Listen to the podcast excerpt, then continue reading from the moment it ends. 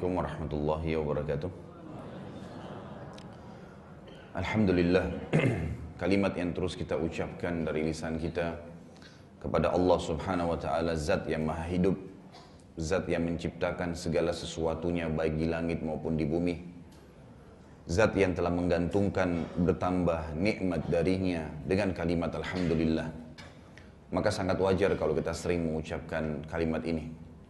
Juga kita panjatkan salawat dan taslim kepada Nabi Muhammad wasallam sebagai bentuk kepatuhan kepada Allah yang telah memberikan salam kepada beliau bersama dengan malaikat-malaikatnya. Dan juga sebagai bentuk balas jasa kita.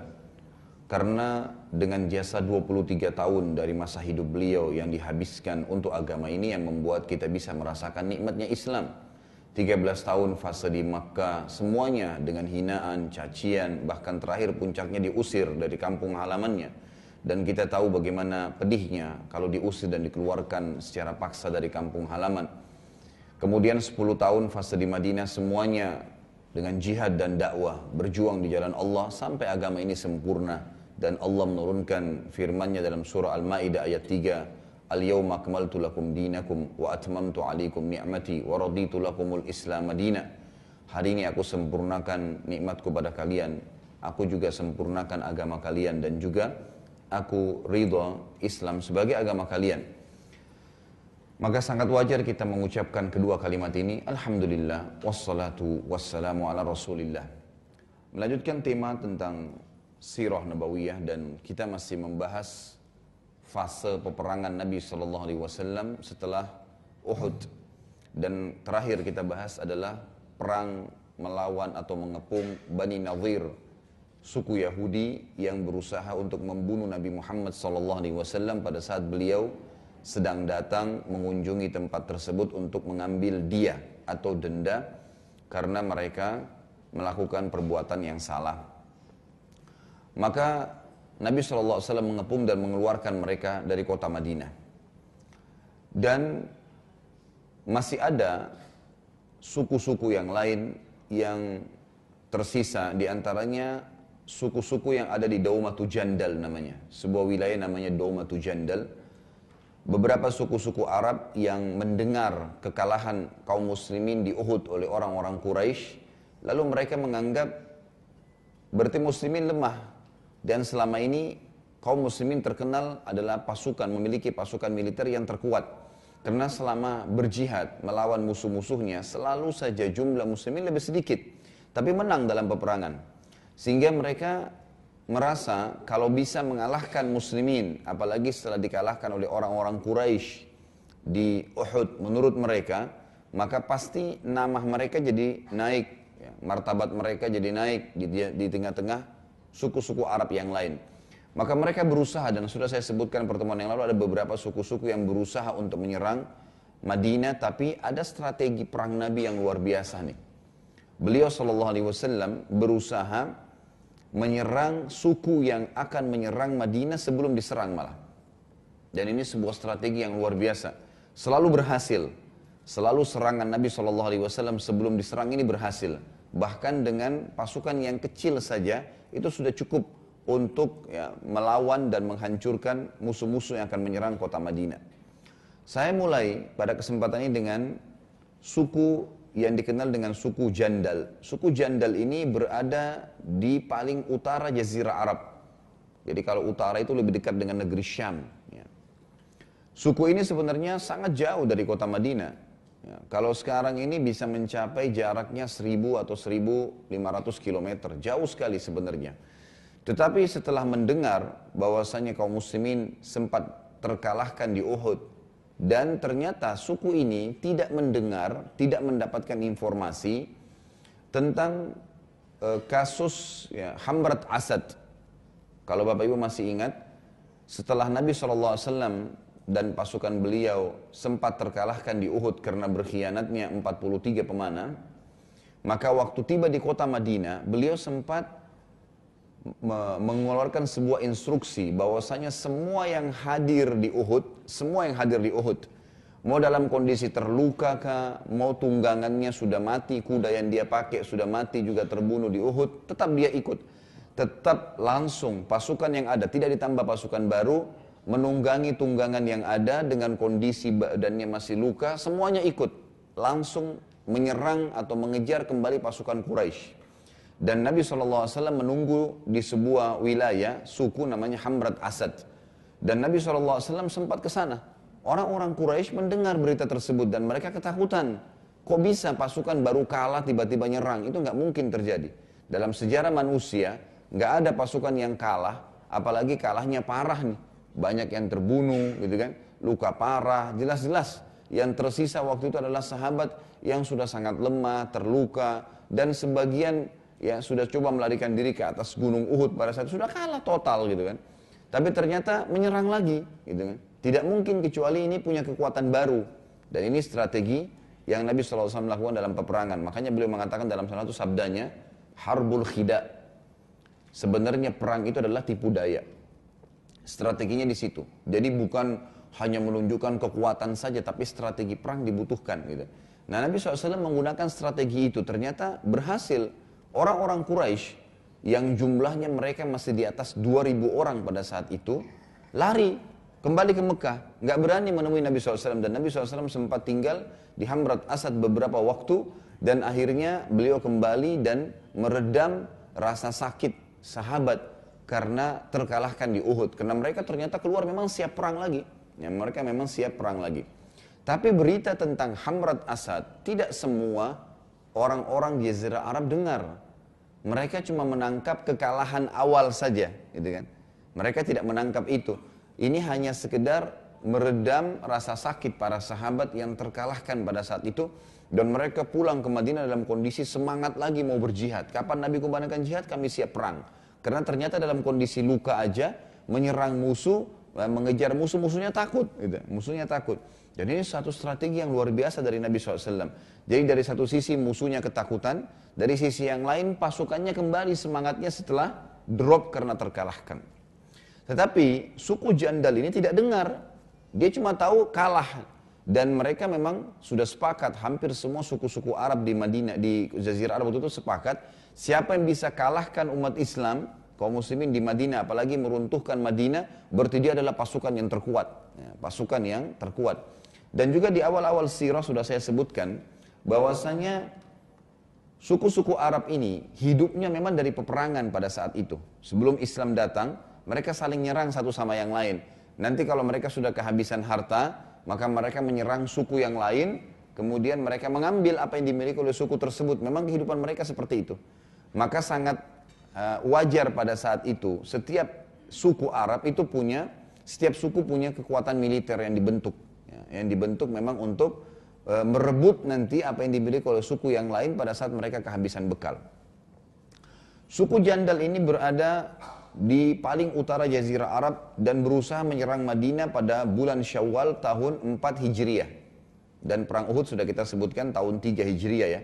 Jadi terus rentetan sampai setahun setelah Uhud pun, bahkan dua tahun dan tiga tahun setelah Uhud, ternyata orang-orang Jazirah Arab ini berusaha terus menyerang Nabi Shallallahu Alaihi Wasallam dan juga para sahabat. Perlu kita ketahui juga di sini, Bapak Ibu sekalian rahimahullah, bahwasanya waktu itu Luar biasanya ya bagaimana kita semestinya sekarang jauh lebih semangat dan jauh lebih berani, jauh dari sifat pengecut. Karena memang pada saat itu Islam itu hanya di Madinah. Gak ada kota lain. Hanya Madinah saja. Dan jumlah muslimin bisa dihitung jumlahnya. Tetapi luar biasa ditakutin oleh musuh-musuhnya. Karena seluruh dunia ini kafir waktu itu. Seluruh dunia. Gak ada yang mukmin kecuali di Madinah saja gitu kan? Cuma di Madinah saja. Tapi bagaimana mereka semuanya segan dengan satu kota saja. Kita bayangkan kalau Bekasi ini saja yang muslim, yang muslim lainnya semua kafir seluruh dunia. Pasti kita menganggap diri kita minoritas sekali nih, kecil, gak ada kekuatan. Terbalik pada zaman Nabi SAW. Mereka luar biasa beraninya, gitu kan. Makanya ada hadis Nabi SAW yang sudah berapa bulan ini, eh maaf, beberapa pekan ini saya sampaikan dalam khutbah-khutbah Jumat saya. Kalau kita sekarang ini sudah kena hadis Nabi SAW yang dikenal dengan hadis wahan. Wahan ini kekacauan, gitu kan. Kata Nabi SAW, Yushaku antada alaikumul umam kama tada al-akalatu ila qas'atiha. Sudah nanti akan tiba satu zaman nanti, di akhir zaman, ya kita sekarang ini tentunya. Kalau saya menempatkan hadis ini di keadaan kita sekarang gitu.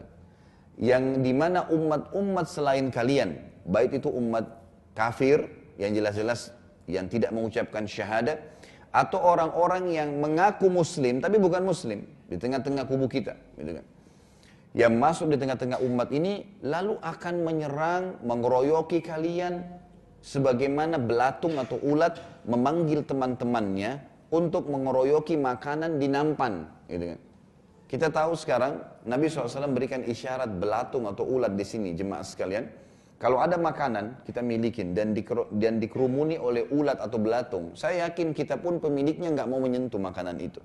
Karena sudah jijik, udah nggak suka gitu kan. Ternyata sampai pada tingkat seperti itu isyarat Nabi SAW tentang kondisi kita. Nanti kalian akan dikerumuni, dikeroyokin, dan kata ulama hadis yang dimaksud di sini tada'a, mereka saling panggil memanggil akan membunuh kalian, membakar, membunuh, membunuh, membakar masjid kalian, merusak Quran kalian, Macam-macam lah semua kejadian mereka akan lakukan. Sebagaimana belatung memanggil teman-temannya mengeroyoki makanan. Akan habis, kena tuannya pun tidak akan mau makan. Dan kalau dibuang pun, subhanallah, kalau ada kue, ada belatungnya, anjing saja atau kucing nggak mau makan makanan itu. Jadi belatung itu betul yang habisin gitu. Dan Nabi SAW memberikan isyarat musuh-musuh kita ini hanya seperti belatung yang gampang kalau mau dibunuh sebenarnya. Gitu kan. Jadi makna hadis ini luas sekali. Lalu para sahabat heran dan berkata apa? Itu fase Madinah ya. Waktu kaum muslimin cuma di Madinah, belum pembebasan kota Mekah, belum jazirah Arab masuk Islam semuanya. Kata para sahabat, Ya Rasulullah, amin killatin nahnu yawma izin? Wahai Rasulnya Allah, apakah kami pada saat itu jumlahnya sedikit? Kok bisa orang semaunya saja ngeroyokin, membunuh, memerkosa, mengambil hak kami, membakar masjid, bakar Quran? Kok bisa? Karena mereka heran, pada saat itu jumlah mereka sedikit, cuman kota Madinah, ya kan? Tapi luar biasa ditakutin oleh musuh. Dan selalu jumlah kita lebih sedikit.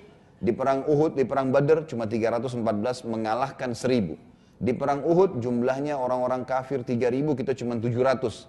Dan dengan Hamrat Asad tadi yang saya ceritakan, kaum muslimin menang gitu kan. Karena orang-orang kafir nggak berani karena kalau mereka kembali, Nabi sudah niat memang memerangi mereka. Jadi bukan cuma strategi perang saja, tapi memang siap dengan resikonya gitu kan. Kemudian kita tahu nanti kita pelajari insya Allah perang khandak. Itu jumlah orang-orang musyrik dan orang-orang kafir yang bersatu 10 ribu orang. Dan pasukan muslimin yang siap perang waktu itu cuma 2 ribu, 3 ribu orang saja. Gitu kan. Tapi juga menang.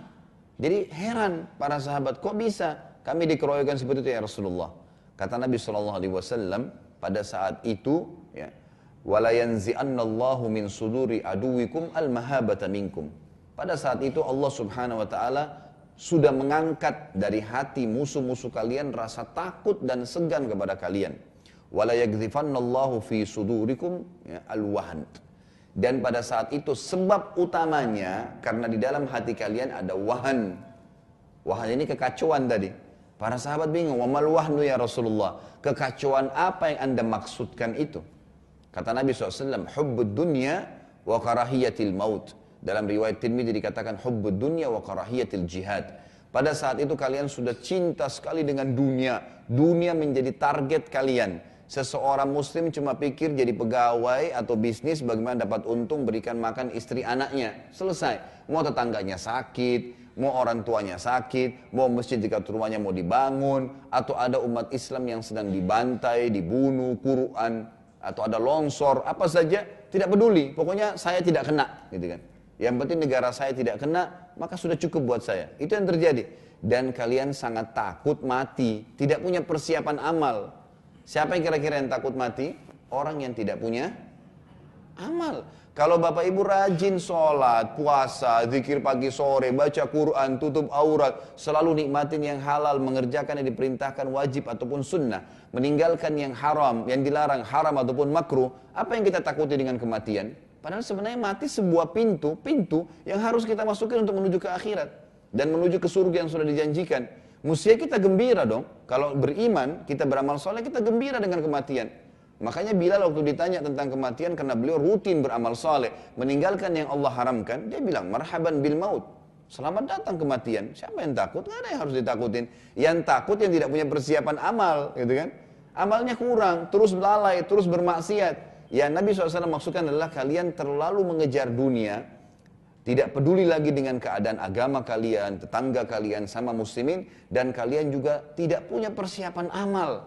Nggak ada sedikit sekali gitu. Sholat subuh cuma satu saf, setengah saf yang sholat gitu kan.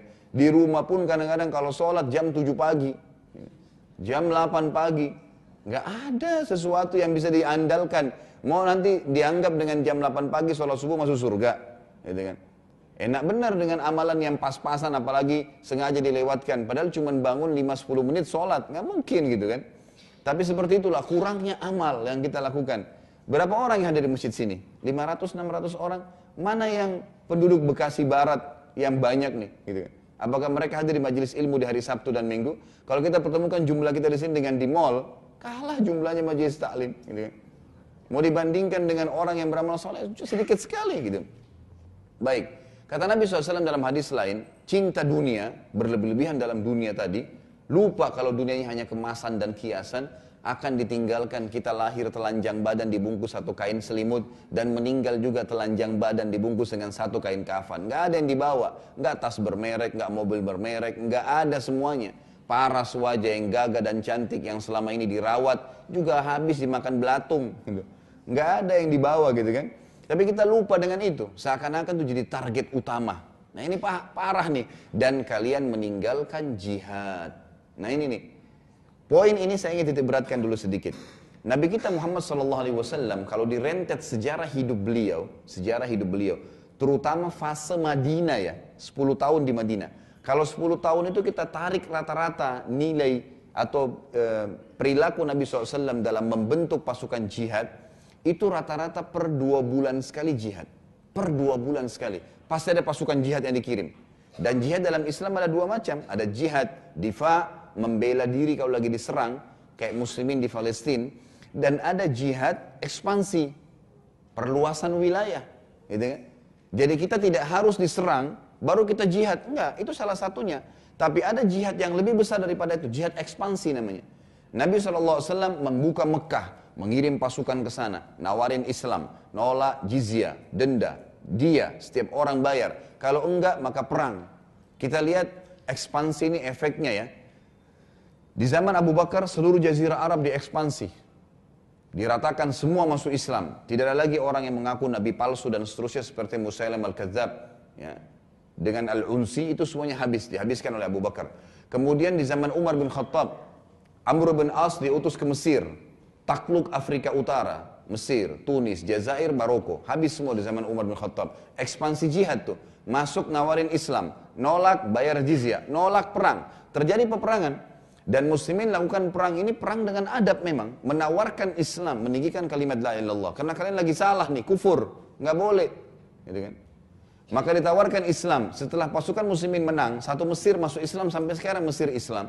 Gitu kan? Mayoritas penduduk muslim, 90% muslim kayak Indonesia. Itu kena jihad ekspansi. Kemudian di zaman Umar bin Khattab juga kita tahu ada perang Yarmuk dan Qadisiyah. Perang Yarmuk ini adalah peperangan pada saat Umar bin Khattab mengutus pasukan negeri Syam, Palestina, Yordania, Libanon, dan Syria. Kemudian perbatasan Turki. Turki bagian Asia, kan Turki ada Asia dan ada Eropa. Bagian Asianya itu takluk di zaman Umar bin Khattab. Dan kita tahu sampai sekarang Turki menjadi negara Islam. Negeri Syam mayoritas Islam, gitu kan. Karena ekspansi ini, ekspansi, ini, yang tidak, tidak lakukan nih. Tidak diekspansi Islam itu diekspansi oleh Umar bin Khattab. Kemudian perang yang kedua Qadisiyah. Nanti ada perang ada bahasan dalam masalah Umar bin Khattab radhiyallahu Itu ada Qadisiyah. Qadisiyah ini pasukan yang dikirim oleh Umar bin Khattab dan perlu diketahui jumlah pasukan yang Umar bin Khattab kirim 12.000 pasukan ke negeri Syam, 12.000 pasukan ke negeri Persia. Waktu itu Irak, Iran, Afghanistan dan seluruh wilayah Rusia, wilayah Persia takluk di tangan Islam dengan 12.000 pasukan melawan kurang lebih ya hampir mencapai 600 ribu pasukan orang-orang Persia. Ini bukan jumlah yang sedikit, tapi mereka menang. Setelah menang, seluruh wilayah Persia masuk Islam. Tahu efeknya setelah mereka masuk Islam apa? Enam ulama hadis kita, enam ulama hadis dari Bukhari, Muslim, Abu Daud, Tirmidzi, Ibnu Majah, Nasai. Ya, ini enam orang yang dikenal dengan kutubul hadis, enam uh, kutubus sita. Mereka semua dari negeri Persia. Enam orang ulama hadis ini dari negeri Persia yang telah bebas dari kekufuran dengan ekspansi jihad. Ini yang kadang-kadang kita tutup mata dengan sejarah gitu kan. Itu yang ada, memang ekspansi. Memang diekspansi. Dan ini terjadi di zaman ya Uthman bin Affan seluruh Afrika masuk di wilayah Islam. Kita lihat di Umayyah. Ya. Di zaman Umayyah, kemudian zaman Abbasiyah, ekspansi Islam sudah sampai ke mana-mana. Sampai masuk ke Spanyol, di Eropa gitu kan. Dan ini juga seluruh tersisa wilayah Rusia, sebagian wilayah Cina, itu masuk dalam keadaan atau masuk Islam dengan adanya ekspansi jihad ini. Ini yang terjadi dan ini banyak dilupakan oleh pemimpin muslimin. Makanya kata Nabi SAW, kalian waktu itu sudah lupa dengan jihad. Seakan-akan jihad itu hanya ada kalau kita sedang diserang. Mestinya idealnya sekarang pemimpin muslim itu memang membentuk pasukan dan menawarkan Islam. Kita bukan aib menawarkan Islam itu karena ini kebenaran nggak boleh ditahan gitu kan. Semestinya seperti itu. Jadi kita lihat Nabi Muhammad SAW melakukan ekspansi dan juga semuanya para sahabat dan tabi'in melakukan ekspansi tersebut. Nah ini yang hilang dari kaum muslimin. Kita lihat Nabi SAW nanti dalam sejarah beliau banyak sekali ekspansi yang beliau lakukan. Jihad ekspansi ini sering. Bahkan per dua bulan sekali pasti ada. Kalau bukan Syariah, Syariah ini jumlah pasukan 100 sampai 200 orang saja atau beliau membentuk pasukan besar ribuan orang yang beliau pimpin sendiri ya atau beliau mengutus para sahabat yang ditunjuk oleh beliau sallallahu alaihi wasallam nanti akan ada peperangan seperti misalnya perang Mu'tah di mana Nabi SAW utus 3000 orang kemudian melawan ke pasukan pasukan Romawi yang 250 ribu orang. Ya akhirnya mati syahidlah tiga sahabat yang mulia. Gitu kan? Pada saat itu ada Zaid bin Haritha ada uh, Ja'far bin Abi Thalib dan ada Abu Ubaidah bin Jarrah radhiyallahu anhu ajma'in. Ini mati syahid di situ dan akhirnya menang. 3000 pasukan itu mengalahkan 250 ribu orang. Dan seterusnya lah ya dan seterusnya. Ini sedikit tambahan tentang berhubungan masalah apa yang kita ambil nanti dari strategi perang Nabi Shallallahu Alaihi Wasallam dan hukum syari yang berhubungan dengan masalah penyerangan-penyerangan yang terjadi. Islam datang bukan pada saat menyerang merebut semua atau membunuh orang-orang, tidak seperti itu.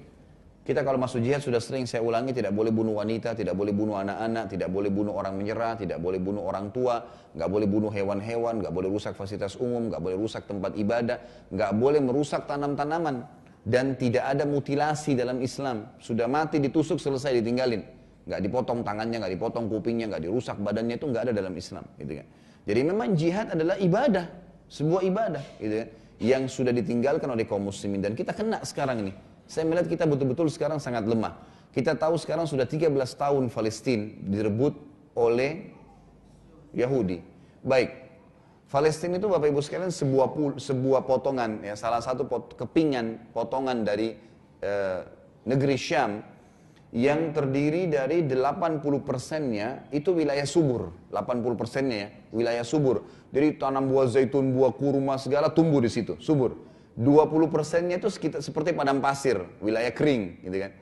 Orang-orang Yahudi datang, jelas-jelas datang, menyerang negara Islam, ya dengan mengambil, merebut, membunuh. Ya. Dan 80 persen wilayah yang subur diambil, lalu kemudian dibuat batas negara, didirikan negara Israel secara paksa di situ. Gitu. Yang 20 persen yang susah ini, yang kering dikasih kepada kaum muslimin, tinggal di situ. Setiap hari umat Islam ini, setiap hari ada saja korban. Ada yang mati, ada yang luka, setiap hari. Sudah 13 tahun. Pertanyaannya, Bapak Ibu sekalian, kalau kita bilang diri kita nggak kena hadis ini, saya mau tanya, Bapak Ibu pernah sisipin nggak di setiap doa yang sedang kita panjatkan untuk memanjangkan umur kita, memberikan tambahan rezeki, mendoakan keluarga, penyakit supaya diangkat. Sisipin doa, ya Allah menangkan muslimin di Palestina. Kita sampai pada tingkat doa aja nggak bisa kita ucapin, nggak mau, nggak terfikir. Bagaimana kalau mau diminta darahnya, gitu. Kan? Sulit gitu. Berarti kita betul-betul kena hadis ini. Kata Nabi SAW pada saat itu, waktu sahabat tadi bilang, ada potongan hadis saya lupa sebutkan. Apakah kami sedikit ya Rasulullah? Kata Nabi SAW, tidak kalian banyak, kalian mayoritas masyarakat bumi pada saat itu. 7,3 miliar manusia sekarang, 3, ya, 2 miliar itu umat Islam. Kita ini sekarang umat Islam ini setengah dunia. Mestinya seluruh dunia di bawah naungan Islam. Mestinya. Setengah dunia. Dulu masih Madinah saja udah ditakutin. Ini sekarang kita setengah dunia umat Islam. Di semua negara ada orang Islam. Gitu kan? Seluruh dunia ini pasti ada Islamnya, walaupun sedikit. Gitu kan? Tapi ada orang Islam. Kita sudah banyak sekali jumlahnya. Kata Nabi SAW, tapi kalian banyak sekali. Cuma kalian seperti bui di lautan. Bapak Ibu lihat busa yang ada di atas air asin di laut. Kalau ada ombak, ada putih-putih ya. Banyak ya. Itu namanya bui di lautan. Jadi kalian banyak, tapi tidak ada pengaruhnya. Nggak bisa mengganggu air laut, tidak bisa membunuh hewan di situ, tidak ada masalah dan tidak dibutuhkan. Nggak ada orang yang mau ambil buinya. Nggak ada. Orang kalau mau buat garam, air garamnya, air lautnya yang diambil, bukan buinya. Gitu kan. Mau beri, mau makan, kita nggak bakal makan buinya. Jadi bui itu sudah tidak ada nilainya. Kata Nabi SAW tidak ada nilainya. Kita lihat sekarang di eh, apa namanya Myanmar yang baru saja terjadi. Oh ini luar biasa. Saya lihat fotonya itu, Ya, dan saya ada cuplikan juga dikirim. Saya nggak nggak masuk di akal saya ada manusia seperti itu. Jadi satu rumpun, warna kulitnya sama, paras wajahnya mirip, sama seperti orang satu suku gitu ya. Tapi subhanallah hanya karena mereka Islam dibantai. Perlu saya kasih sejarah. Dulu Myanmar itu terbagi dua. Ada Burma, ada Arakan namanya. Arakan ini itu dia berada di pinggir, di pinggir laut ya. Dan ini dulu negara Islam. Di zaman Uthman bin Affan, Islam itu sampai ke Asia Tenggara, termasuk Indonesia. Dulu Islam itu masuk di sini sudah dari zaman Uthman bin Affan, bersama juga dengan wilayah-wilayah pesisir, termasuk Arakan ini. Berdiri kerajaan Islam waktu itu di sana, cuman tidak didengar karena kecil. Tidak banyak orang tidak tahu karena negaranya kecil. Itu baru runtuh dari kerajaan Islamnya dan ada nama sultan terakhirnya kalau saya Sultan Ahmad siapa gitu kan. Itu tahun 1984. Jadi belum lama gitu kan. Itu runtuh, direbut, diserang oleh Burma. Orang-orang Burma, orang Buddha yang ada di sana gitu kan. Kemudian menyerang. Menyerang dan meruntuhkan negara yang direbut secara paksa. 1984. Dan umat Islam dibantai, dibunuh. Gak ada orang yang bergerak nih. Gitu. Orang gak ada bahkan yang dengar, gak ada yang peduli umat Islam sendiri-sendiri. Di sebelahnya ada Thailand, ada Malaysia, kita juga di bawah ada Indonesia Apalagi di Asia Tenggara terkenal yang paling besar negaranya siapa? Indonesia. Saya sampai bilang di khutbah-khutbah Jumat saya kemarin, ya, Bapak Ibu tahu, kebetulan saya lagi di Sulawesi Selatan kemarin di Makassar, saya bilang kalau satu Sulawesi Selatan ini datang ke Myanmar, tenggelam tuh Myanmar. Karena kecil, nggak besar gitu kan. Tapi luar biasa, anak kecil digantung, dibakar. Ada anak perempuan, saya sampai nggak nggak nyangka ya. Artinya biar orang tidak beragama, Allah masih kasih fitrah, ada rasa kasih sayang dalam hatinya. Ya, kalau laki-laki orang dewasa melawan, dibunuh mungkin ya. Anak kecil perempuan diikat di katu kayu besar gitu. Terus diikat kaki tangannya seperti kalau kambing mau dipanggang. Ada yang pegang di sana, ada yang pegang di sini orang-orang Buddha itu lalu kemudian dibakar. Jadi teriak sambil terbakar, sambil nangis itu didengar oleh mereka. Subhanallah. Ada manusia begini nih gitu. Luar biasa gitu. Jadi ini bukan dibunuh biasa ya, memang membuat traumatis agar umat Islam keluar dari situ. Pertanyaannya, peduli nggak kita ini? Ya, kita pernah nyumbang nggak? Nyumbang sesuatu kah? Doa lah, itu. Baju bekas kah? Sekarang di mana-mana LSM kita sudah mulai melakukan itu. Dan kemarin awal-awal Indonesia sempat nolak tuh. Awal-awal ya, pengungsi sana mau masuk, ditahan nggak boleh. Padahal mereka sudah sebulan dua bulan di laut, nggak tahu mau hidup ke mana. Malaysia sama Indonesia nolak, nggak boleh masuk. Dianggap ini nanti berbahaya bagi Indonesia. Subhanallah. Ini orang muslimin lagi dibantai nih. Gimana caranya? Kita bukan membantu malah kita menahan. Dan akhirnya kita dipermalukan oleh Turki karena Turki datang bawa kapal tempurnya, gitu kan? Dan menjemput umat Islam di sana. Burma sendiri, Myanmar sendiri nggak berani melawan pada saat itu. Dan saya, saya luar biasa, saya sampai simpan statementnya itu.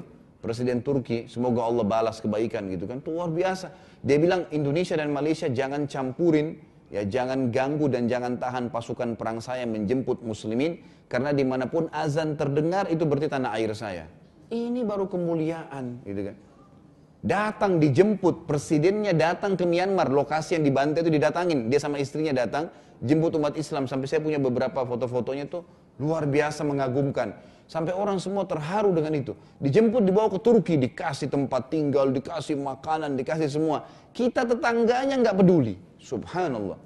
Baru setelah itu disiapin tenda-tenda oleh pemerintah kita. Ya, Alhamdulillah lah, gitu kan. Sudah mulai ada gerak. Itu pun nanti tunggu dipermalukan, gitu. Ya. Sayang sekali, gitu kan. Tapi ya, alhamdulillah kita masih bisa mengatakan seperti itu. Tapi contoh ya, bagaimana kita luar biasa dibantai di ini. Kalau di zaman Nabi SAW mustahil, Bapak Ibu sekalian. Mustahil ini. Di zaman sahabat, jumlah mereka sedikit mustahil. Biar mereka mati semua, yang penting agama ini tidak tercoreng, kita lihat nanti beberapa kisahnya. Luar biasa. Mustahil agama ini bisa dicoreng di zaman Nabi SAW dan Khulafaur Rashidin. Zaman-zaman dulu Islam itu nggak mungkin. Mustahil. Gitu kan. Dan saya sudah bahasakan juga dalam fakta sejarah, kita ini memimpin dunia loh Bapak Ibu sekalian. 1300 tahun lebih kita menguasai dunia. Saya sudah pernah sampaikan masalah itu. Dari zaman hijrahnya Nabi SAW ke Madinah, tahun 1 Hijriah. Sampai Nabi meninggal, tahun 11 Hijriah. Abu Bakar datang 11 sampai 13, Umar datang 13 sampai 23, Uthman datang ya 23 sampai 36, Ali datang 36 sampai 40. Habis masa Nabi SAW dan Khulafaur Rashidin, 40 tahun Islam berjaya, ibu kotanya Madinah. Dan pada saat itu sudah mulai ekspansi ke mana-mana kekuatan militer semua dikirim dan menyebarkan agama Islam. Karena mereka sangat yakin waktu itu dan mesti kita juga jadikan keyakinan sekarang bahwasanya agama ini saja diterima oleh Allah. Ini agama yang paling benar harus disebarin. Nggak bisa didiamin gitu kan? Seperti itu. Maka datang Umayyah. Umayyah dari tahun 41 40 sampai 132 Hijriah kerajaan besar Islam di negeri Syam. Kemudian juga masuk Abbasiyah tahun 130 sampai 656 ini juga datang setelahnya Uthmaniyah yang baru berubah menjadi republik dari dari dari dari khilafah menerapkan hukum Islam itu tahun 1924 kurang lebih tiga, tanggal 31 Maret 1924 itu runtuh jadi republika gitu kan dan pada saat itulah Turki tidak menerapkan hukum Islam. Mulai dan itu 91 tahun yang lalu saja. Jadi 1300 tahun lebih kita menguasai dunia. Semua dunia ini mempelajari ekonomi dari orang Islam, mempelajari pengetahuan dari orang Islam, mempelajari peradaban, kehidupan sosial, semua dari orang Islam. Sekarang terbalik nih. Kita kalau mau belajar ekonomi, oh ijazahnya hebat kalau dari Amerika.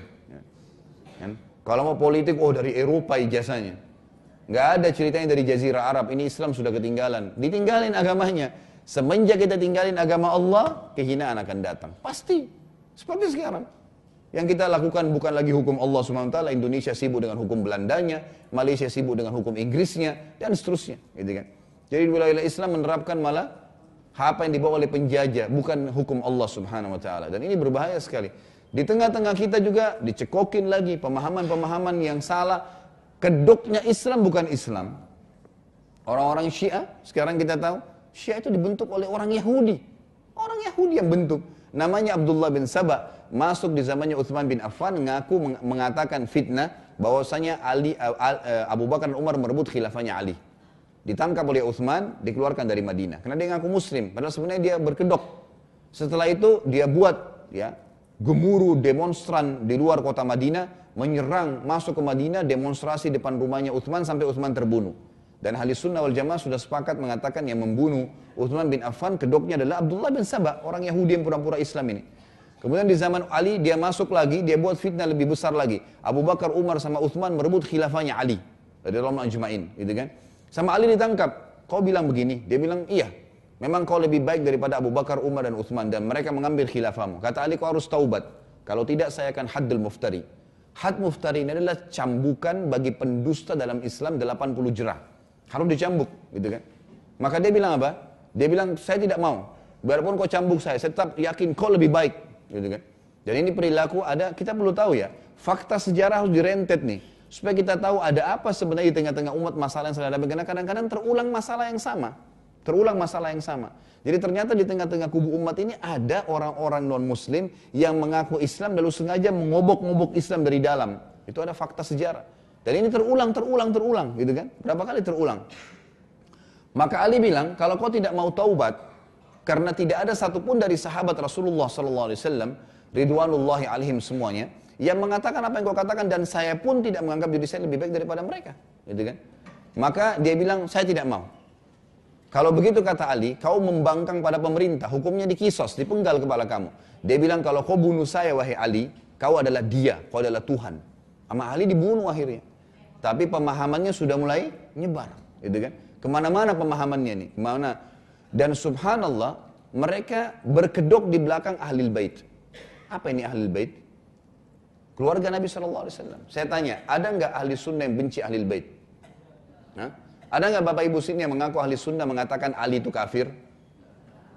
Semua ahli sunnah mengatakan Ali radhiyallahu anhu. Fatimah radhiyallahu anha. Hasan dan Husain radhiyallahu anhuma. Bahkan kita mengatakan Sayyidah Syabab ahli jannah. Hasan Husain adalah pemimpinnya anak muda di surga. Bahkan meninggalnya Husain radhiyallahu anhu di, Bar, di Karbala, semua ahli sunnah mengatakan mati syahid. Kita mengatakan beliau Mati syahid dan para ulama sunnah mengatakan Allah ingin menggabungkan buat Husain radhiyallahu anhu dua kebaikan, tiga kebaikan malah. Cucu Nabi SAW kebaikan sendiri, gitu kan? Keturunan Nabi SAW. Yang kedua sahabat Nabi, posisi sebagai sahabat juga. Yang ketiga mati syahid, gitu kan? Ini fadilah sebenarnya buat beliau radhiyallahu anhu. Jadi ini jelas. Sementara uh, orang-orang uh, Syiah menghardik Hasan radhiyallahu anhu mengatakan Hasan itu keliru, mencaci maki Hasan karena alasannya ya bahwasanya Hasan menyerahkan khilafah kepada Muawiyah. Padahal Hasan ini pernah waktu lewat radhiyallahu anhu di hadapan Nabi SAW kata Nabi sesungguhnya anak saya ini nanti Allah akan selamatkan dua pasukan besar mukminin yang akan berperang di tangannya. Dan pada saat itulah ulama ahli sunnah mengatakan pada waktu pasukan Madinah Hasan bertemu dengan pasukannya Muawiyah pada saat itulah Allah selamatkan muslimin di tangan dia. Jadi itu fakta sejarahnya begitu, gitu kan? Fakta sejarahnya begitu. Dan subhanallah tidak ada alasan bagi orang-orang Syiah untuk membunuh ahli sunnah. Ada alasan tidak kira-kira? Kita memuji ahli bait semuanya. Tidak ada sahabat yang kita kafirkan. Ahli bait semuanya kita bacakan salawat kalau kita sedang tahiyat, gitu kan? Mereka mengatakan kami membela ahli bait. Lalu apa alasannya? Kecuali kalau ada ahli sunnah bilang ahli kafir. Lain kan? Nah tidak ada alasan mereka melakukan itu. Tapi ternyata di Syria fakta sejarah mereka membantai ahli sunnah dalam tiga tahun terakhir si Bashar ini membantai 230 ribu ahli sunnah dengan menganggap halal darahnya. Mana kamu dengan Israel tuh yang selama ini Iran kumandankan bahwasanya kami bela, kami memerangi Israel. Kapan pernah menyerang Israel? Pernah? Gak mungkin, karena memang dibentuk oleh orang Yahudi dasarnya pemahaman ini. Gimana caranya? Itu simbolik saja, gitu kan? Itu hanya simbolik, itu terjadi di tengah-tengah kubu umat nih sekarang. Di Irak mereka membantai 150 ribu orang, menggantung Saddam Hussein. Kemudian di Yaman mereka masuk kemarin, mengkudeta pemerintah. Tahu strateginya seperti apa. Dan ini subhanallah hampir sama dengan Indonesia hari ini. Hampir sama, gitu kan. Saya punya kewajiban sebagai da'i menyampaikan. Bukan menakut-nakuti tapi memberikan gambaran. Di Yaman mereka lakukan hal yang sama. Mereka datangi Presiden Yaman dan mengatakan beberapa bulan yang lalu, gitu kan, sebelum mengkudeta Yaman, mereka bilang ini orang-orang nih radikal nih, ahli sunnah ini orang-orang radikal. Ya, mereka tidak moderat lah dan segalanya. Dan ini tunjuk radikal siapa? Yang berjenggot, yang perempuannya bercadar, yang pakai jilbab, yang selalu memenuhi masjid, yang dahinya hitam, ya yang celananya tidak isbal. Ini nih semuanya nih, radikal, tangkapin. Mereka nanti membahayakan pemerintah kalian. Pemerintah Yaman dengan tutup mata nangkap-nangkapin tuh. Yayasannya ditutupin, masjidnya diberhentiin, pengajiannya. Waktu ahli sunnah sudah banyak ditangkap-tangkapin. Sudah kosong, gak ada lagi yang ingatin tentang bahayanya Syiah. Mereka masuk dengan pasukan yang mereka bentuk. Ternyata pasukan di Yaman ya. Saya bicara di Yaman nih. Ini faktanya ada. Anda boleh buka semuanya di internet jelas. Jadi mereka bentuk pasukan. Ternyata pasukan ini tadinya ya, di atas namakan migran dari Iran. Padahal Iran lagi tidak ada masalah. Ada apa kok ada yang harus masuk ke Yaman? Itu ternyata pasukan-pasukan militer mereka yang sudah dipersiapkan. Begitu sudah aman, tidak ada ahli sunnah, sudah banyak ulamanya yang ditangkapin, dipenjarain, bahkan ada yang dihukum mati.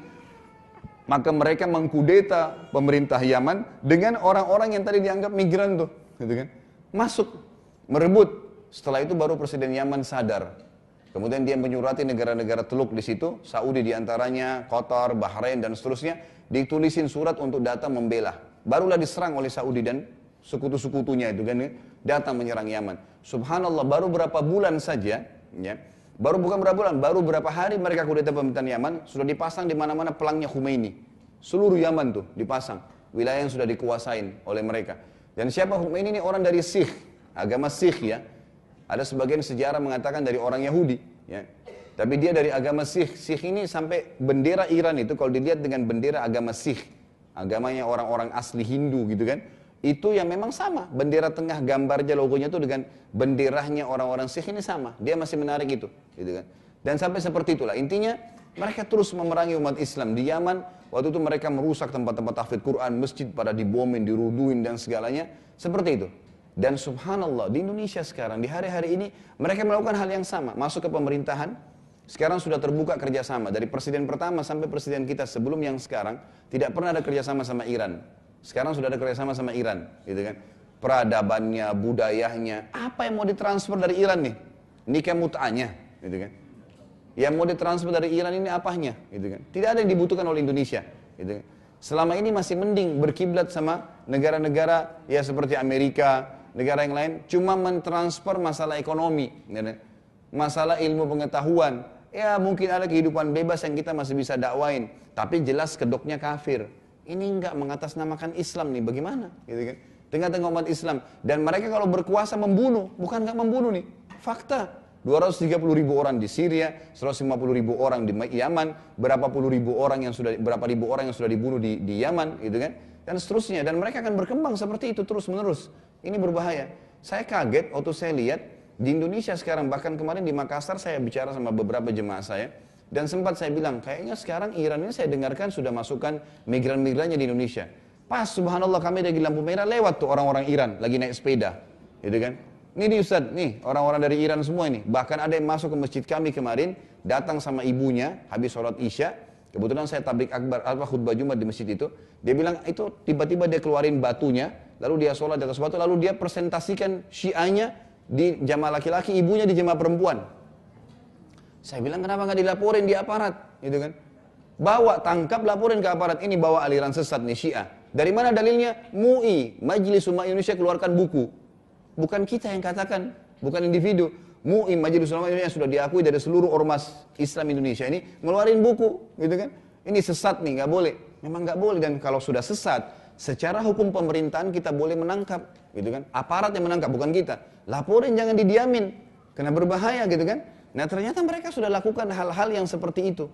Sampai pada tingkat membuka sekolah-sekolah, yayasan-yayasan, bantuan-bantuan yang banyak. Dan ini sekali lagi, Bapak Ibu sekalian, pemahaman yang dibentuk oleh Abdullah bin Sabah, orang Yahudi. Gitu. Ini bagaimana caranya mau dianggap benar? Kalau mereka benar, maka mereka tidak akan bunuh ahli sunnah. Mustahil. Di negara-negara yang ada ahli sunnah dan ada syiah, pernah nggak ahli sunnah bunuh syiah? Pernah nggak Bapak Ibu dengar? Nggak ada itu. Nggak pernah. Di Saudi mereka punya warga negara. Di Indonesia selama ini mereka tidak buat makar ahli sunnah nggak pernah nyerang mesinnya syiah, nggak pernah ganggu, cuma didakwahin iya. Tapi mereka terbalik tuh. Kapan berkuasa memang membunuh, gitu kan? Menganggap halal darahnya. Ini bahaya sekali. Sama halnya di zaman Mu'tasim, pernah ada Mu'tasim ini khalifah Abbasiyah yang meninggal tahun 127 Hijriah. Di zamannya itu ada satu Yahudi pura-pura masuk Islam, lalu menjadi hadir di majelis taklimnya ulama. Ulama-ulama seperti Ahmad bin Hambal, uh, Yahya bin Ma'in, banyak ulama-ulama hadis. Dia hadir di situ. Subhanallah pada saat dia hadir, dia hafal hadis-hadis banyak. Dan dia dianggap sebagai penuntut ilmu yang bagus. Awalnya gitu kan. Ternyata dia punya target nih Yahudi nih. Setelah dia masuk uh, Islam, dia sudah mulai dia ngaku Islam, kemudian dia banyak hafal hadis, kemudian dia mulai buka majelis taklim kayak kita sekarang dai ya, ustadz, sudah ada pengajiannya di sana, orang sudah mulai ada murid-muridnya. Mulailah dia membuat hadis-hadis palsu.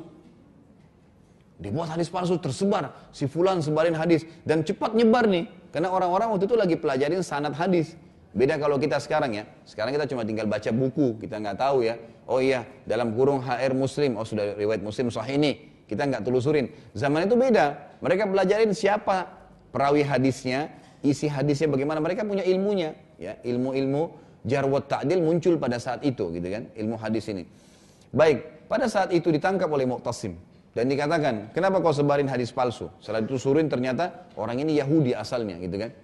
Ternyata dia mengaku kalau dia bukan muslim. Dia mengaku, dia bilang, saya sengaja menyebarkan itu semua agar memang terjadi kekacauan di tengah-tengah kalian. Dia sudah tahu Mu'tasim akan bunuh. Kata Mu'tasim, kalau begitu saya akan bunuh kamu. Jelas, gitu kan? Saya akan bunuh kamu. Dia bilang biar kau bunuh saya, wahai Mu'tasim. Berani sekali dia sama Mu'tasim. Memang dia siap mati. Ya, siap mati untuk mengacaukan umat Islam. Dia bilang, kalau kau bunuh saya pun tidak masalah. Karena saya sudah menyebarkan seribu hadis palsu. Dia bilang itu, seribu hadis palsu. Kata Mu'tasim, kau pikir saya gentar dengan ancamanmu? Kami masih memiliki Ahmad bin Hambal dan Ibnu Ma'in yang akan menyortir hadis palsumu itu. Lalu dipenggal. Tapi kita lihat fakta sejarah ada non muslim pura-pura masuk Islam gitu kan dan mengacaukan dari dalam. Perlu kita garis bawahi satu hal juga, Bapak Ibu sekalian, tolong direnungin baik-baik.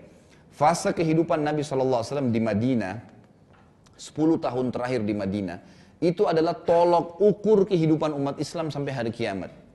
Maksudnya begini, yang saya maksudkan sampai hari kiamat ini sampai batas yang sudah Allah tentukan ya.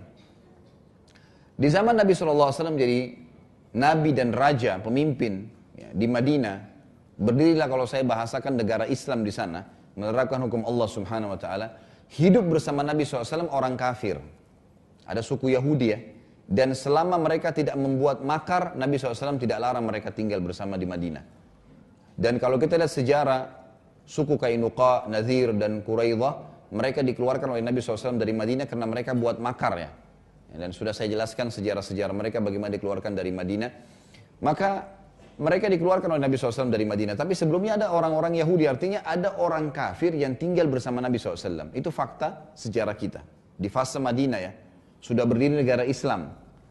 Kemudian yang kedua ada orang-orang munafik di Madinah. Siapa pimpinannya? Siapa nama pimpinan orang munafik di Madinah? Abdullah. Namanya Abdullah bin Abi Salul. Bayangkan ya namanya Abdullah. Artinya sampai hari kiamat kalau ada di tengah-tengah umat Islam yang benci Islam, walaupun namanya Abdullah, namanya Muhammad, munafik tuh. Ada itu fakta sejarah dan turun surah Al-Munafikun kepada orang ini. Bahkan ayat yang melarang Nabi SAW mensolati orang-orang yang munafik turun kepada dia pada saat dia meninggal dunia. Si Abdullah bin Abi Salul ini, gitu kan? Pimpinannya berarti di tengah-tengah umat Islam, walaupun presiden kita muslim, ulama, menterinya semua ulama, tidak lepas dari ada orang kafir tinggal bersama kita. Kecuali kalau mereka buat makar, tidak lepas ada orang munafik karena sama Nabi SAW ada orang munafik sampai beliau meninggal. Gitu kan hidup bersama Nabi SAW. Ada juga orang yang bermaksiat. Di zaman Nabi SAW ada sahabat mencuri dipotong tangannya. Ada yang berzina dicambuk. Ada nggak? Ada. Baik. Yang keempat, ini yang penting. Ada kelompok orang-orang beriman. Para sahabat yang beriman bersama Nabi SAW. Dan ini yang mendominasi. Jadi ini fakta kehidupan nih.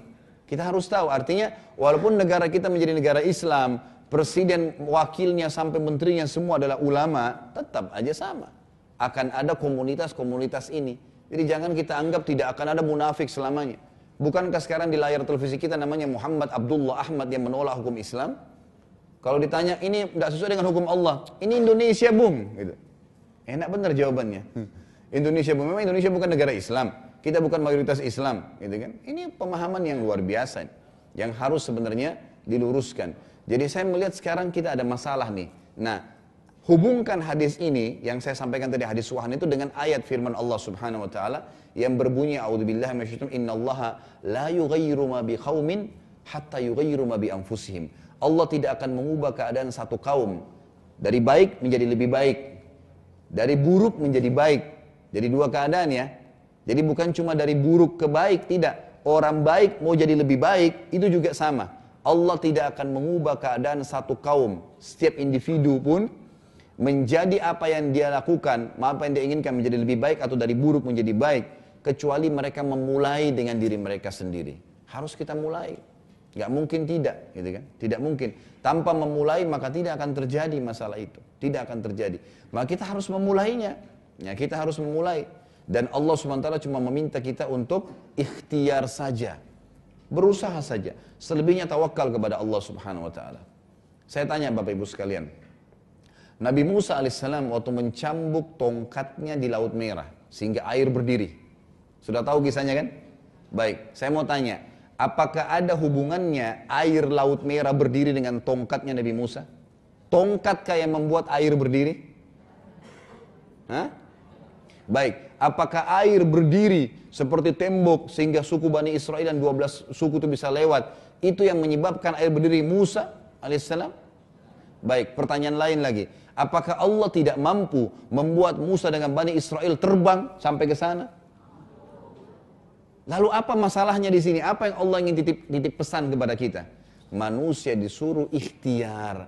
Cambuk tongkatmu itu ikhtiar. Nggak ada hubungannya sama laut tuh tongkat. Kalau sama Musa, tapi disuruh berusaha, setelahnya urusan saya kata Allah. Laut naik, kau selamat itu urusan. Ikhtiar. Cuma itu saja. Berusaha berubah menjadi lebih baik itu perlu, harus ada upaya. Saya belum pernah sholat malam, harus paksain, berusaha dulu, nanti Allah mudahin tuh. Kalau enggak kita enggak bisa. Ada Quran di rumah, kalau kita enggak berusaha jalan ngambil untuk membaca, dijadwalkan, maka tetap tidak akan pernah baca. Tidak ada upaya kan? Contoh yang lain, Maryam alaihissalam, ibunya Nabi Isa. Waktu hamil 9 bulan nih. Ya. Kita tahu wanita kalau hamil lemah, apalagi mau melahirkan ya. Merasa pikirannya sudah gundah, gelisah, udah keadaan fisiknya nggak enak gitu kan. Lemah. Tapi apa kata Allah kepada Maryam? Waktu duduk di bawah pohon kurma. Wahuzzi ilaiki bijiz'in nakhlati tusakit alaiki rutaban jania. Apa artinya huzzi itu? Goncang pohon kurma itu hai Maryam, maka akan jatuh rutab kurma yang basah ke sisimu kau bisa makan. Pertanyaannya, saya tanya sini bapak-bapak aja yang hadir, yang punya otot besar, masya Allah, ya, bisa nggak goncang pohon kelapa sawit? Nah, ada yang bisa goncang pohon kelapa sawit? Tidak usah ibu-ibu, bawa bapak deh. Goncang ya, bisa nggak? Loh, Maryam yang hamil 9 bulan, Allah suruh goncang, gimana tuh? Kata para ulama tafsir, Allah cuma mau Maryam sebagai manusia, karena dia manusia, sama dengan Musa tadi. Allah mengajak bicara sesuai dengan akal manusianya, walaupun dia seorang nabi. Ini walaupun ibunya nabi. Sentuh niat saja kamu goncangkan, goyang betul tuh pohonnya, rudu semua kurmahnya. Jadi ikhtiar, memang harus berusaha. Kalau kita ada upaya mau menjadi lebih baik, Allah bantu. Ada upaya membela agama Allah, Allah bantu. Sedikit upaya, hasilnya banyak. Yang penting ada upaya, gitu kan? Ini fakta-fakta sejarah yang kita juga bisa ambil dari peperangan Nabi SAW. Bagaimana ya hal-hal banyak yang pelajaran yang bisa kita ambil dan bisa kita perbaiki keadaan kita sekarang. Ingat, kalau kita mau keluar dari penyakit kita sekarang, tinggalkan wahan tuh. Dunia bukan target utama. Kerja iya, penuhi kebutuhan, tapi ingat sabda Nabi SAW. Antara saya dengan dunia ini, tidak ada kebutuhan, kata Nabi. Mali wa dunia. Apa urusan saya sama dunia? Dunia ini hanya seperti saya lagi penat, saya musafir penat, capek, duduk di bawah sebuah pohon. Setelah capek saya hilang, saya akan pergi. Artinya memang bukan target, targetnya adalah akhirat. Kalau bapak ibu targetnya dunia begini bedanya. Orang yang sholat karena targetnya dunia dengan targetnya akhirat beda. Orang kalau targetnya dunia hanya seperti nyetor sama Allah. Oh ya azan sholat deh, Allah berallah berubah selesai. Seperti Allah butuh sholatnya. Allah butuh nggak sholat kita? Balik sekarang mesti difahamin. Yang butuh sholat itu kita. Kita akan terima pahalanya.